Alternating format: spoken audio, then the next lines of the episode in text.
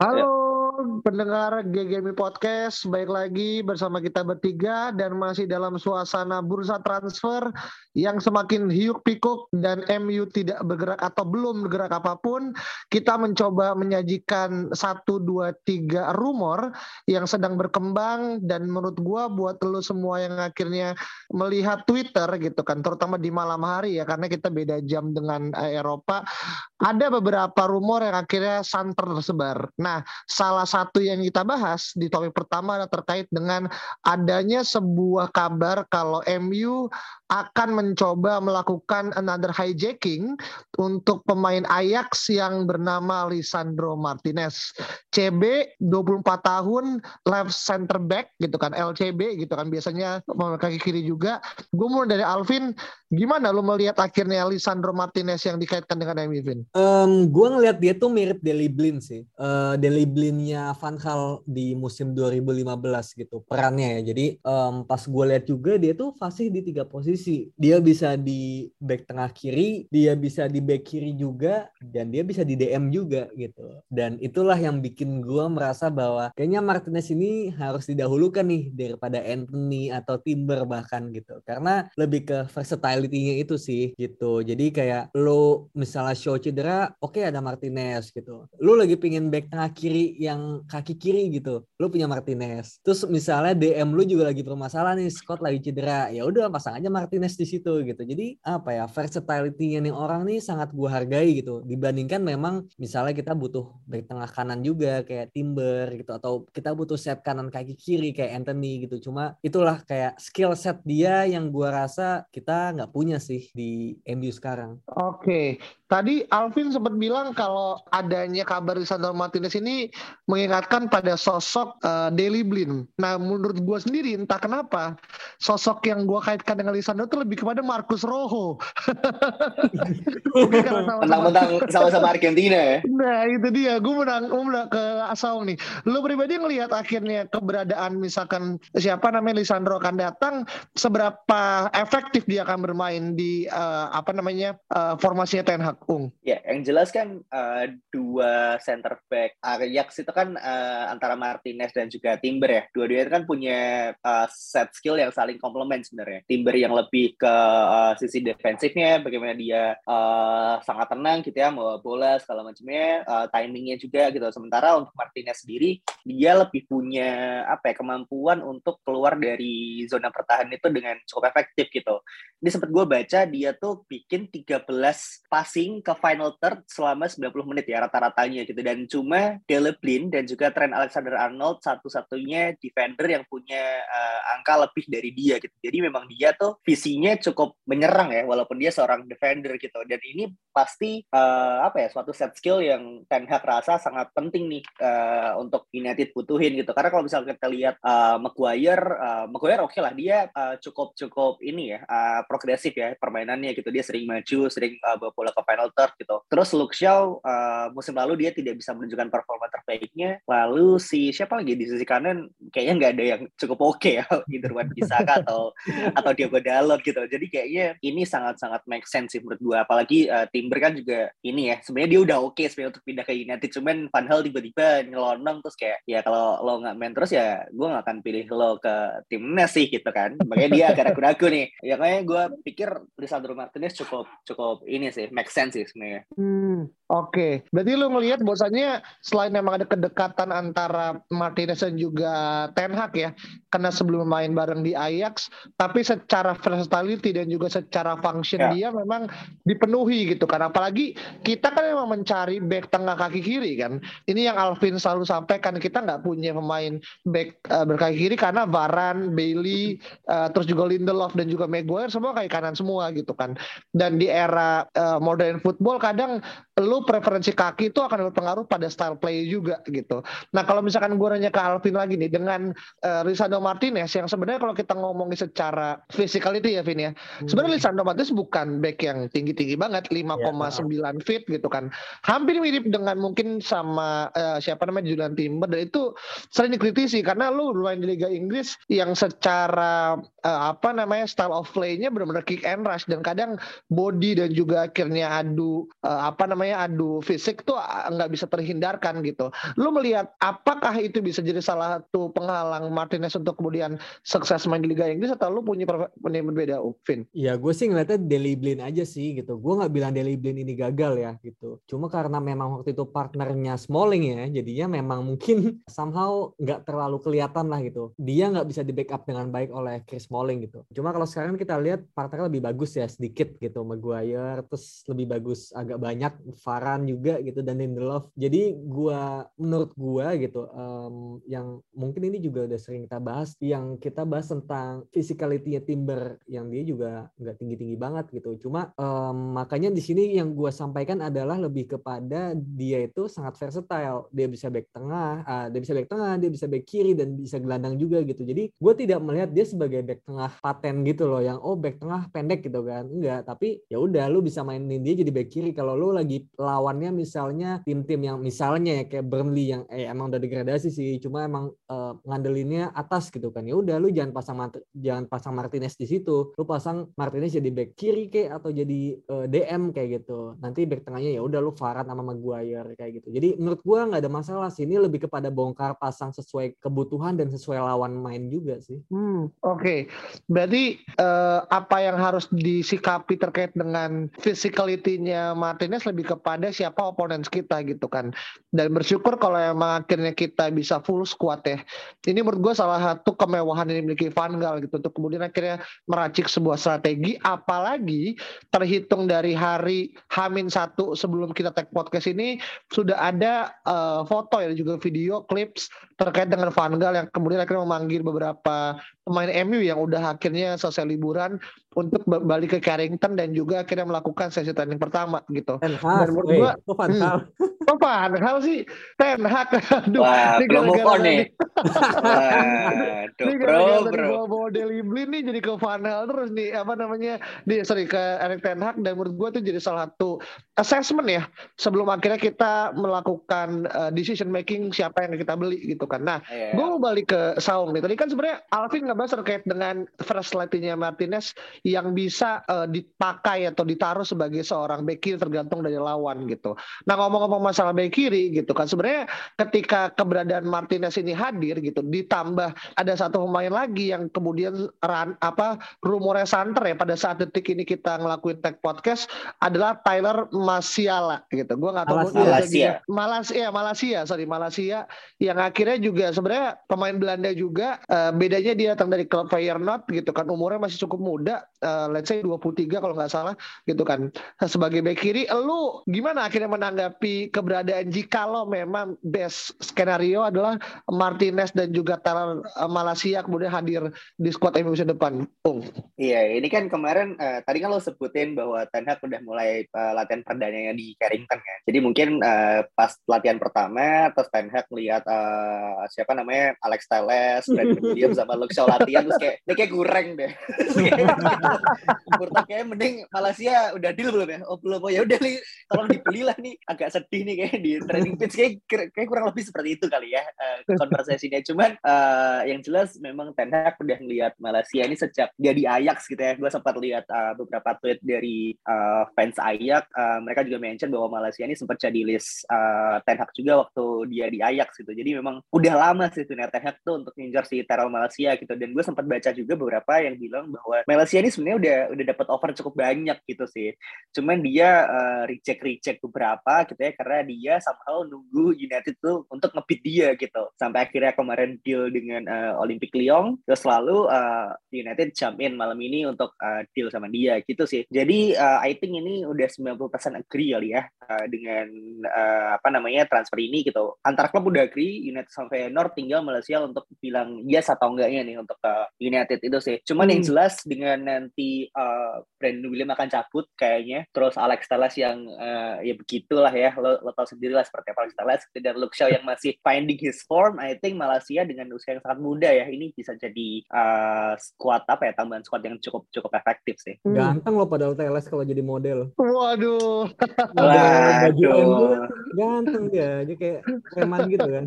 Ya nggak apa-apa sih kalau mau jadi brand ambassador sih. Nggak masalah sih pak Iya iya iya iya iya. Oke. Nah, um, ini menarik ya terkait dengan uh, Thailand Malaysia sebenarnya um, jujur gua kemarin-kemarin sebenarnya sempat denger ya dan ini kan Thailand Malaysia kan sempat hype ya sekitar mungkin 4-5 minggu lalu gitu kan. Tapi somehow menurun dan sebenarnya gue udah cukup pesimis karena Lyon udah ngebuat uh, beat kan. Dan sebenarnya kalau dilihat secara tim dan ini gue baca ya dari salah satu artikel ada 10 klub yang sebenarnya mengincar uh, Malaysia. Salah duanya adalah di klub Liga Inggris yaitu adalah West Ham dan juga United gitu kan. Tapi uh, kalau kemudian sebagai seorang Alvin ya yang akhirnya pemerhati FIFA gitu kan. Lu ngelihat akhirnya pemain muda potensial Tara Malaysia ini sendiri gimana akhirnya potensi itu kemudian berkembang di MU yang akhirnya mungkin akan lebih banyak memberikan kesempatan kepada pemain muda, Vin. Hmm, uh, by the way, gue baru belum pernah lihat dia main sini. Gue sambil lihat highlight ya sih. biar ada gambaran kayak apa kan dia mainnya gitu. Tapi ya, dari lihat dari lihat highlightnya kayaknya dia akan jadi best left back in the world ya. ya kita ngomong gitu juga pas Wan bisa sih kayak. pas Teles juga gitu, bro. Wah ini Teles dengan kemampuan crossingnya Ronaldo dimanjakan ya. Ya dimanjakan untuk ah. diam aja sih sebenarnya. Tapi okay, bikin emosi aja. Iya, um, iya nih jadi uh, eh, gue lagi lihat Malaysia main ya dan satu hal yang gue lihat dia tuh mirip ini men. Kalau misalnya gue flashback ya mirip Petrus Evra mainnya gitu. Bukan sama-sama karena kulitnya gelap ya gitu. Cuma emang gue lihat dia tuh sangat apa ya sangat agresif gitu. Agresif tenacious. Dia bukan tipe back yang kayak apa ya misalnya gini kita lihat show deh. Show itu bagus passingnya bagus crossingnya bagus tapi kok dia nggak cepet-cepet banget kelihatannya gitu. Kayak nggak yang semangat gitu kalau Teles juga kayaknya nggak lagi yang semangat banget gitu. Tapi di Malaysia tuh gue lihat tuh apa ya kayak dibilang gerasa kerusuk nggak juga tapi passingnya bagus juga gitu loh. Kalau Williamson kayaknya apa ya kayak masih raw banget gitu. Dia uh, semangatnya ada cuma kadang-kadang dribbling dan positioningnya nggak terlalu bagus gitu. Tapi kalau Malaysia tuh yang gue lihat ya ya dia tahu gitu loh. Dia tahu kapan dia harus passing kapan dia harus uh, dribbling dan dia juga bukan tipe yang one dimensional kayak Teles gitu loh. Dia yang gue lihat dia juga sering main ke dalam gitu sih jadi mungkin uh, kelebihannya lebih ke itu sih dia sangat agresif cepat juga dan mungkin kalau kekurangannya adalah ya dia masih muda aja dan dia mungkin bakal kaget dengan physicality-nya Liga Inggris gitu yang mungkin dia bisa kena body sana sini sih apalagi kalau ketemu pemain kayak uh, Richarlison dan segala macam gitu yang uh, apa ya dia bisa dibully sih gitu. Hmm, oke. Okay. Dan ketika tadi Alvin bilang uh, dia itu tendensius sebenarnya juga kalau nih gue baca juga di footballtransfer.com kalau beberapa orang di lingkungan tuh nyebut dia the pitbull. ini mungkin ini ya apa namanya ada uh, salah satu anggapan kalau bagaimana cara bermain dia. Tadi sebenarnya bukan rasa gurusuk tapi lebih kepada dia kemudian bisa menempatkan posisi dia dan mobilitas dia kemudian buat gue cukup sangat tinggi ya.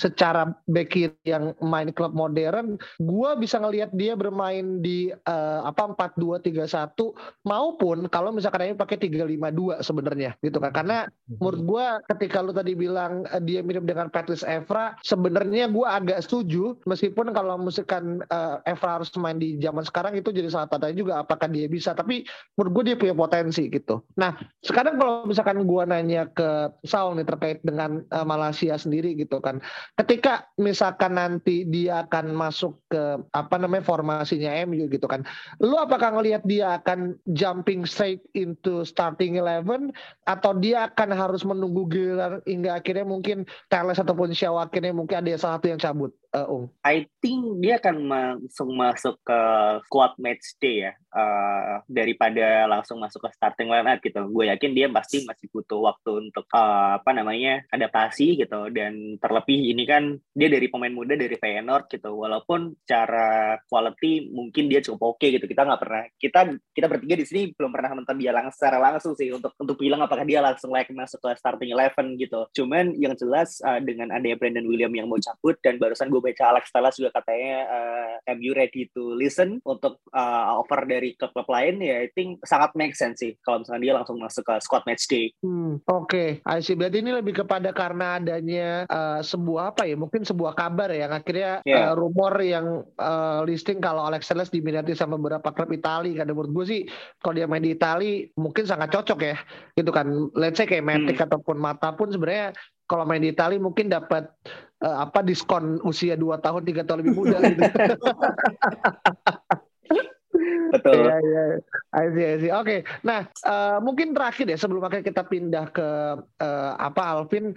Uh, tadi kan siapa ya? Mungkin Saung yang bilang kalau uh, Malaysia punya semacam kayak potensi untuk bisa mencapai uh, level tinggi sebagai seorang LB modern dan gue lihat di salah satu forum Quora gitu kan yang ngomongin masalah Malaysia gitu.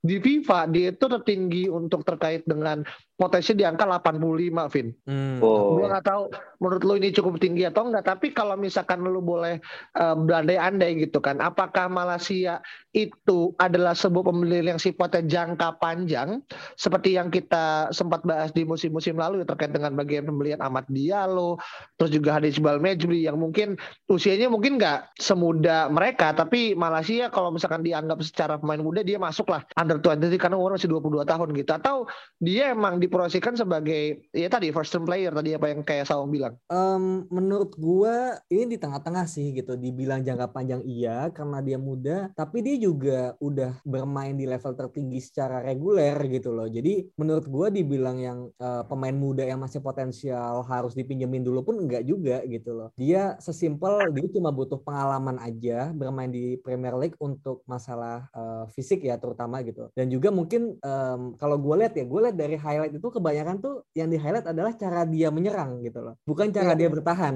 gitu. Jadi gue yang jadi concern gue adalah gimana cara dia menghadapi far post gitu kan. Kayak Wan Bisaka atau Teles yang sering kesulitan kan. Kalau misalnya lu dapat crossing di far post and then ya lu alpha aja dalam menjaga lawan lu. Itu yang uh, masih menjadi tanda tanya gue kalau bertahan tuh dia gimana sih gitu? Apakah harus ada yang nge-backup dia? Dari DM-nya kah? Atau dari back tengahnya gitu kan? Itu yang uh, belum kelihatan sih dari highlight gitu. Jadi um, tapi kalau masalah potensi gue yakin banget gitu bahwa uh, dia bakal jadi back kiri yang bagus. Dan kalau tadi lu bilang 85 uh, sebenarnya itu biasa aja sih gitu. Ya back tengah top lah uh, back tengah bagus tapi nggak lagi yang top banget kayak let's say uh, siapa ya Jordi Alba gitu. Kayaknya nggak um, akan sampai segitu. Bukan jadi uh, world class player tapi dia akan sangat useful untuk MU apalagi kalau MU udah punya bentuk permainan yang bagus gitu. Hmm oke. Okay. berarti lebih kepada akhirnya kebutuhan adanya adanya Malaysia ini pertama didukung karena skuad kita yang quote unquote di sisi kiri itu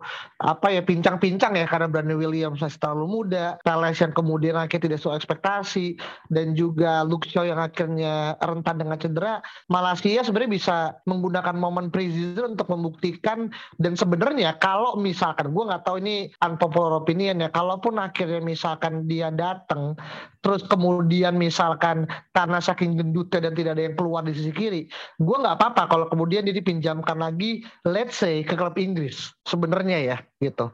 Uh, let's say kayak tadi misalkan klub Inggris yang akhirnya kita anggap sebagai salah satu tim yang menurut gue bisa memberikan jam terbang, why not gitu.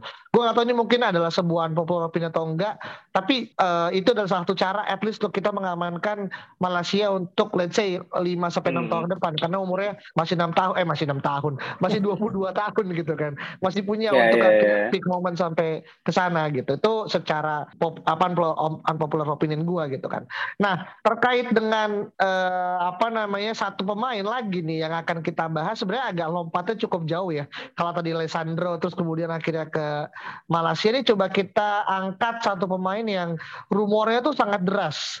Kemarin gitu kan di tanggal 25 26-an ada Uh, Neymar. gue mau jokes itu padahal. Udah kebaca bro. iya iya iya kebaca ya. Oke oke. Jadi uh, apa namanya uh, ada rumor yang akhirnya mengaitkan kepindahan Anthony untuk bisa mengikuti uh, apa Erik Ten Hag untuk Old Trafford. Dan sebenarnya kita udah pernah bahas ya ketika dalam episode seni merampok Ajax gitu kan. Tapi kita akan coba bahas lagi lebih kepada bagaimana persiapan untuk menjelang preseason dan menurut gua kalau emang kita nih pengebeli Anthony maka sekarang waktunya gitu. Karena menurut gua misalkan musim depan dan musim depan lagi mungkin ada klub yang akan secara finansial lebih siap dan prestasi lebih bagus untuk bisa nge-hijack dia. Pertanyaan gua untuk tahu adalah gimana akhirnya kemudian kita bisa ngelihat Anthony itu bisa adjusting dengan Liga Inggris sedangkan beberapa fans MU lebih prefer kedatangan Rafinha. Wah, dari Rafinha tuh masanya sulit, Pak. Maksudnya uh, oke okay, dia pemain bagus gitu ya. Dia punya track record yang cukup oke okay secara permainan dengan Leeds gitu. Cuman masalahnya nggak semua pemain Leeds itu mau pindah ke United gitu. Bahkan Calvin Phillips yang kemarin aja sempat santer ya, akhirnya dia pindah ke Manchester City gitu karena dia tidak ingin uh, apa namanya uh, banyak backlash lah ibaratnya dari uh, fans ketika dia pindah dari Leeds ke, ke Manchester United gitu. Jadi uh, Anthony ini pilihan yang cukup safe gitu ya. Maksudnya di antara banyak pemain sayap lainnya yang tersedia di market, dia paling punya koneksi dengan uh, Ten Hag gitu dan kembali lagi mungkin uh, Edwin van der Sar siap untuk direpoti kembali ya. Pasti dia bete banget dengar teleponnya dari uh, Murtoh ya kan. Di telepon mulu nih kenapa sih sih gitu kan. Jadi memang uh, apa ya secara quality mungkin dia tidak gimana ya kalau misalkan kita bilang apakah dia cukup world class I don't think dia sudah ada di tahap itu gitu ya. Sudah ada di tahap world class seperti like-nya Sancho di Dortmund kemarin gitu. Mungkin dia masih punya uh, apa namanya beberapa step yang mesti mesti dia lakuin gitu. Cuman memang dia punya potensi dan apakah dia bisa survive di Premier League I think itu tergantung dari bagaimana Ten Hag memanfaatkan dia sebaik mungkin sih gitu. Karena ya kalian lihat sendiri bagaimana Ziyech di Ajax selalu Ziyech di Chelsea kan? Karena dua-duanya sama-sama main sayap nih gitu. Dan sayangnya Ziyech sekarang malah santernya mau dijual sama Chelsea. Jadi memang nggak semua uh, pemain itu bisa flourish gitu di di di Premier League terutama main Ajax ya. Ya kita lihat Donny van de Beek lah gitu yang kemarin seperti apa gitu nasibnya. Jadi ini harapan kita sih dengan Ten Hag yang sekarang menjadi nahkoda sih harusnya bisa sih. Hmm, oke. Okay.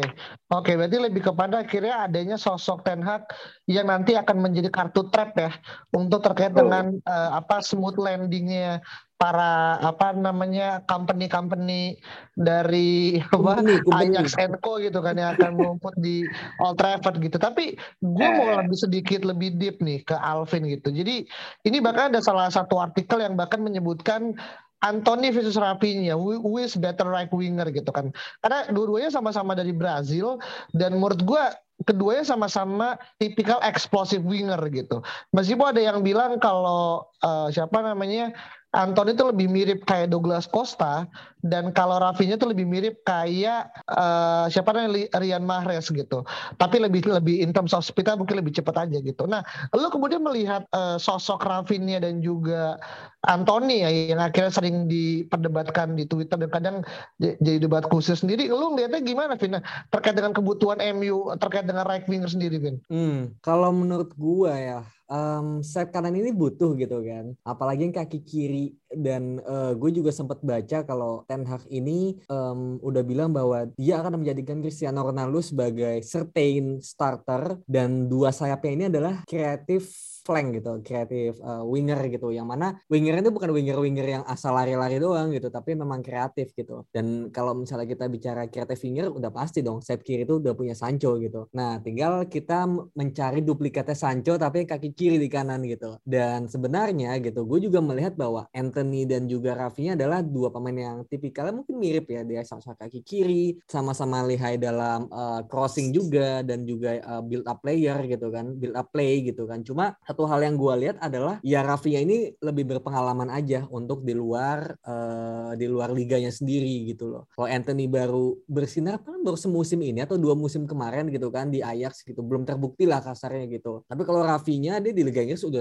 udah menjadi pemain penting gitu loh. Bahkan yang ngincar juga udah sampai levelnya Barcelona dan dia di Leeds benar-benar menjadi eksekutor tendangan bebas bahkan penalti itu semuanya dia yang ambil gitu. Kita melihat betapa vitalnya Rafinha di Leeds United gitu. Jadi menurut gua itulah yang membedakan Rafinha dan juga Anthony gitu. Kalau misalnya ditanya jujur gua mau yang mana, jujurnya gue lebih pengen Rafinha gitu. Gue dari musim lalu gue udah pengen Rafinha gitu. Cuma memang kesulitannya tadi kan Leeds United dan meskipun kayak gitu, gue juga sebenarnya merasa bahwa um, Anthony pun dibanderol Ajax juga terlalu mahal sih 80 juta. Yeah. Itu 68. Hah? 68. Iya. Iya 68 mungkin dalam pound sterling kali ya. Iya, gitu. dalam pound betul. Iya kan kalau di di euro juga bisa 70 an something gitu.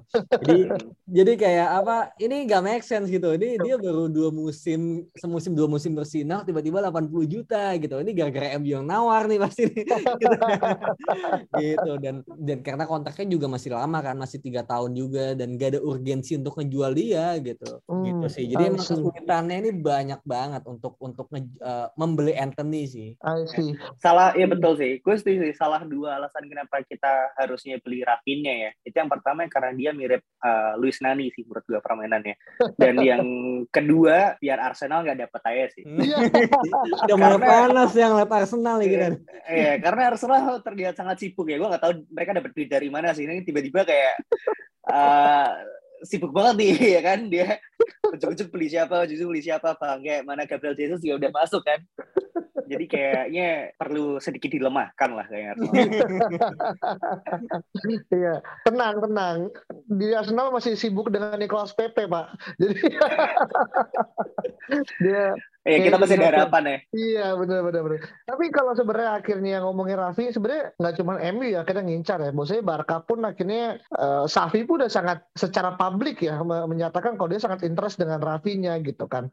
Eh, dan sebenarnya keunggulannya Anthony pertama adalah secara umur lebih muda gitu kan. Dan sebenarnya yang gue takutkan adalah transfer Anthony ini gue takut kayak apa yang sama Memphis Depay sebenarnya gitu kan. Datang di usia sangat muda, 23 tahun gitu kan. Dan eh, tercatat sebagai top skor gitu kan ketika dulu di eh, dia merumput di apa namanya di PSV gitu. Eh pas nyampe ke MU kemudian eh, apa namanya tidak sesuai dengan harapan dan seingat gua dia datang kan ketika eranya Luis van Gaal kan. Eh, di mana akhirnya mengingatkan gua ketika sekarang aja gitu sama-sama eranya apa namanya apa pelatihannya Belanda apa pelatih dari Belanda terus mendatangkan Belanda yang ujungnya agak klop gitu. Nah tapi semoga itu nggak terjadi. Nah kalau misalkan gue nanya ke Saung sendiri gitu kan, kan tadi aku yang bilang kalau eh, musim depan eh, apa namanya Ten Hag akan lebih mencari kemudian sisi winger yang kreatif gitu kan. Dan kita tahu sendiri Ten Hag memainkan eh, sayap itu yang benar-benar agak wit gitu kan. Dan akhirnya nanti melakukan eh, satu dua sentuhan dengan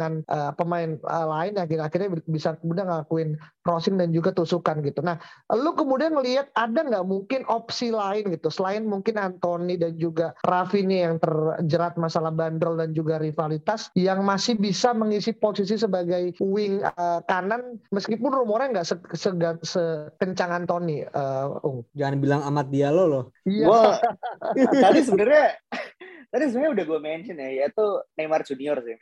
Maksudnya dengan, dengan bandrol yang katanya 50 juta pounds ya untuk untuk sekelas Neymar sih. Kalau gua sih ini udah udah no question sih. Gua pasti akan akan akan beli at, at the moment gitu loh kayak langsung. Nggak nih Serius bro, Neymar man. ini, This is ini Neymar bro. Pogba, We're- Pogba 2.0 nih kalau lu datengin Neymar Aduh. sekarang nih Enggak, masalahnya adalah eh, kembali lagi gitu. Neymar ini kan dia punya polemik lah pasti di di PSG gitu ya. Eh, kita sempat tahu bahwa Kylian Mbappe kayaknya pengen Neymar cabut gitu. Dan eh, Barca jelas nggak mungkin beli Neymar lagi gitu. Mereka nggak punya duit, bahkan eh, salary range mereka juga kacau balau gitu.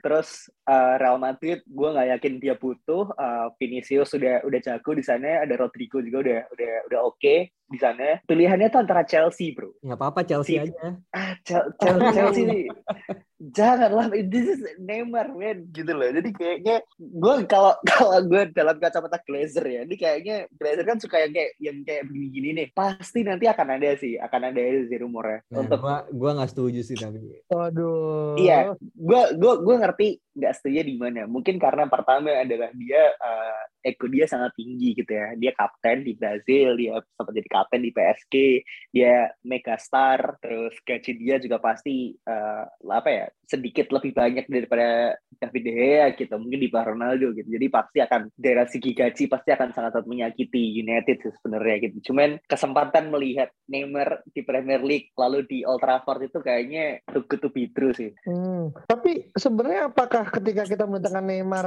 itu tidak menyelesaikan masalah kita karena kita tahu juga Neymar sebenarnya bukan penyerang berkaki kiri nggak sih sebenarnya Ung? Ya memang sebenarnya tidak menyelesaikan masalah sih. Ini kan keinginan ini pribadi. nambah masalah sih kayaknya nih nambah masalah Bener. Ini, ini lebih ke nambah masalah sih memang. Belum Ya. lagi kalau misalkan dia rebutan kaos sama Rashford kalau nomor 10 kan. Itu kan another Iya, problem lagi tuh.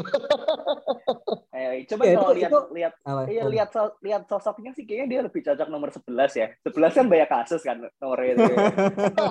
bener juga Ryan Giggs aja kena kasus kan makanya makanya makanya sangat cocok sih nomor 11 sebenarnya. Iya iya iya. I Gua see, I see. gua malah kalau misalnya ini ya eh, dibandingkan Neymar ya, gua lebih pingin eh, Serge Gnabry sih. Gitu. Ah, Karena gue juga dengar eh, berita bahwa eh, Ten Hag ini ingin dibandingkan seorang winger ortodoks ya, dia menginginkan versatile forward gitu. Means berarti yang bisa main di kanan, kiri ataupun striker gitu dan Gnabry bisa main di segala sisi gitu. Dan iya ini masalah mau atau enggak kan gitu. Ka- Kalau ditanya mau atau enggak, gue juga ya nggak tahu juga gitu kan dia mau apa enggak gitu. Dari Bayern yang udah sangat terstruktur tapi tiba-tiba ke MU yang baru rebuilding gitu. Tapi kalau misalnya ada chance untuk ngambil dia, gue at all cost sih gue ambil sih. hmm, I see. Dan setahu gue juga Gnabry pernah main di Liga Inggris kan ya? Di West Brom. Di West Brom kan? Eh, dan dia kalau nggak salah pernah ada kontak sama Arsenal ya, Vin ya? Kalau gue tidak salah. Iya kan pemain Dia Arsenal. kan sebelum pemain sebelum ke Munchen kan Arsenal kan kalau nggak salah. Oh Iya, iya, iya, benar, benar, benar, benar. Jadi sebenarnya dia agak mirip dengan Rafinha, maksudnya punya pengalaman untuk bermain di eh, Liga Inggris. Dan menurut gue sih, gue juga baca ya. Tapi sebenarnya gue nggak tahu deh. Dan baik lagi, eh, siapa Gnabry kaki kanan kan sebenarnya Kaki kan? kanan, betul. Iya. Makanya dia lebih kepada ya versatile forward gitu. Mungkin Iya. dia bisa jadi striker juga nantinya gitu. Hmm, hmm, hmm. Ya Iya, sebenarnya iya, sih iya. kalau misalkan mau uh, ambil resiko dan dengan keluar budget sangat minim sih ya promote Alejandro Garnacho secepat mungkin sih sebenarnya.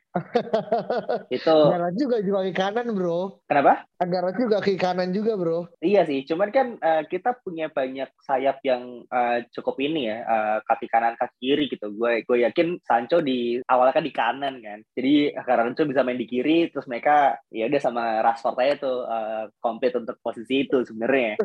Bisa bisa seperti itu sih kalau misalkan Anthony tidak tidak tidak jadi datang. Mhm. Cuman Hmm. Apa namanya Ten Hag kan juga kayaknya udah bilang tuh bahwa dia pengen pengen nge fast track karirnya Garnacho kan karena dengan lihat eh, apa namanya prestasi dia di musim lalu terus bagaimana dia punya komitmen li- dikasih libur tiga minggu tapi cuma dipakai seminggu gitu untuk langsung datang latihan sama Ten Hag sih I think dia cukup punya mentality sih untuk survive di first team United. Mhm. Oke oke oke. Berarti opsi yang ditawarkan sama Alvin dan juga Song sebenarnya mem- me- apa membuat sebuah solusi tapi tidak menyelesaikan masalah berarti gitu kan? Kayak tadi Neymar dan juga Gnabry sebenarnya itu dua pemain yang mungkin available secara market tapi terkait dengan kebutuhan kalau melihat pada apa yang kita butuhkan sisi kiri sebenarnya eh, justru tidak pas gitu. Justru ya kalau menurut gua gitu kan eh, ketimbang Gnabry dan juga Neymar ya ini kan personal gue sebenarnya lebih memilih untuk mendatangkan Hakim Ziyech gitu kan. Dengan dua alasan. Satu karena koneksi dengan eh, Ten Hag. Yang kedua karena dia merasakan atmosfer Liga Inggris yang menurut gua gitu kan. Mungkin di bawah Tuchel mungkin secara taktikal dan juga secara bagaimana peng- pengimplementasian di lapangan agak sedikit beda ekspektasi.